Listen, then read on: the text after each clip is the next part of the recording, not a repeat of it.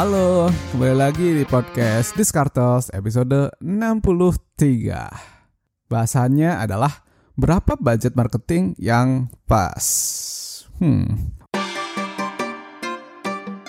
Buat teman-teman yang baru join ke podcast Diskartes, ini adalah podcast tentang keuangan, investasi, ekonomi, dan bisnis. Di season kedua, gue akan challenge, gue akan kulik ide-ide dari buku, orang-orang, ataupun berita di sekeliling kita semua. Jelas ditambahkan dengan ide dari gue sendiri.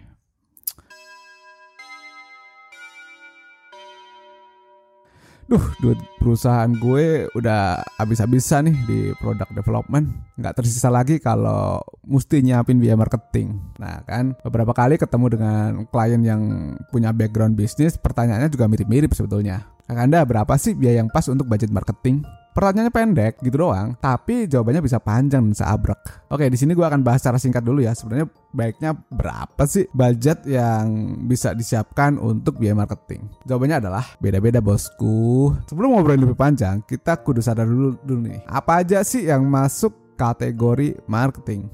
Marketing itu nggak hanya pasang iklan di Facebook atau Instagram atau ngebayar influencer dan tidur diem terus ngarepin hasilnya bagus. Nggak sesimpel itu juga. Kalau kayak gitu modal orang tajir cuman punya duit untuk sebagai capital. Kan nggak juga harus punya otak buat mikirin strateginya ya kan? Memang pasti akan buang duit kalau mikirnya di situ tok jor-joran padahal hasil belum tentu. Makanya budget marketing ini perlu di set di awal buat tahu ekspektasi outputnya. Budget marketing juga mesti melingkupi ya yang gue sebut tadi. Ads di medsos atau influencer.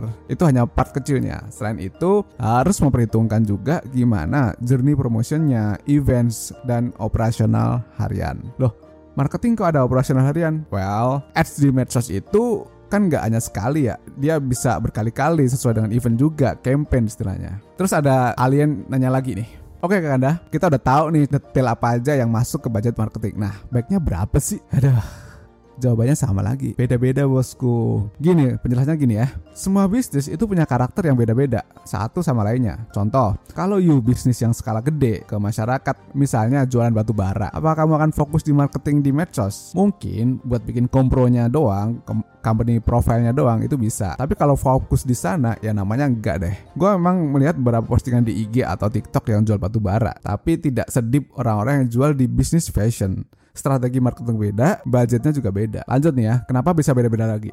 Misal, lo punya usaha, itu udah berapa lama sih? Perusahaan baru atau enggak sih? Perusahaan yang baru berdiri, kemungkinan akan sangat burn money di marketing. Karena ya satu belum ada yang tahu atau kedua produk atau jasanya itu belum pernah kedengeran. Makanya goalsnya adalah membuat orang mau membeli dulu strateginya ke sana. Sementara perusahaan lama nggak perlu itu susah payah ngeluarin uang untuk marketing. Paling ngejagain doang sepanjang belum didengetin sama kompetitor. Kenapa? Karena ya orang udah tahu produk dan fungsinya gitu kan. Tapi tetap nih ada rules untuk nyusun budget marketing yang pertama adalah tidak ngawur. Apa tuh? Ya masa hampir 50% duit perusahaan untuk marketing, nanti biaya R&D-nya kayak gimana gitu. Operasional yang lain juga harus dipikirin. Terus yang terus setelah itu juga biaya untuk karyawan seperti apa?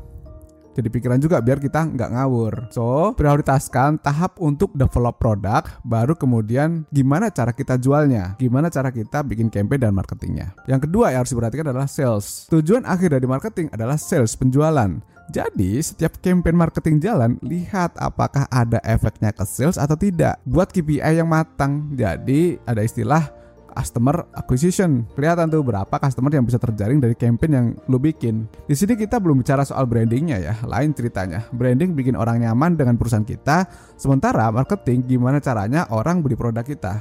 Dan yang ketiga nih, yang harus diperhatikan adalah sesuai dengan market. Mahal belum tentu efektif kalau market yang disasar beda. Contoh, jualan susu untuk orang-orang yang usianya 40 tahun ke atas. Apakah cocok jika dijual di TikTok? Bisa jadi ada yang beli jika ada anak mereka yang usia belasan main TikTok. Tapi kalau budgetnya kemahalan jelas nggak pas. Sama nih jika target marketnya anak-anak usia 16 tahun. Untuk saat ini dengan range segitu, TikTok akan lebih efektif buat tempat jualan daripada Instagram.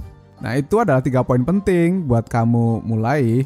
Jadi biar kita gak jor-joran dan mudah-mudahan cuan, mudah-mudahan nggak boros. Itu yang bisa gue sampaikan di podcast kali ini. Mudah-mudahan akan membantu teman-teman yang lagi nyusun budget marketing buat masing-masing usahanya. Semoga kalian diberkati, dapat tambahan penghasilan, uangnya makin banyak. Jangan lupa nih ya, jangan lupa kalau udah tajir bagi-bagi juga ke orang-orang di sekitar kamu. Jangan pelit. Kalau cuma duit masa pelit-pelitan.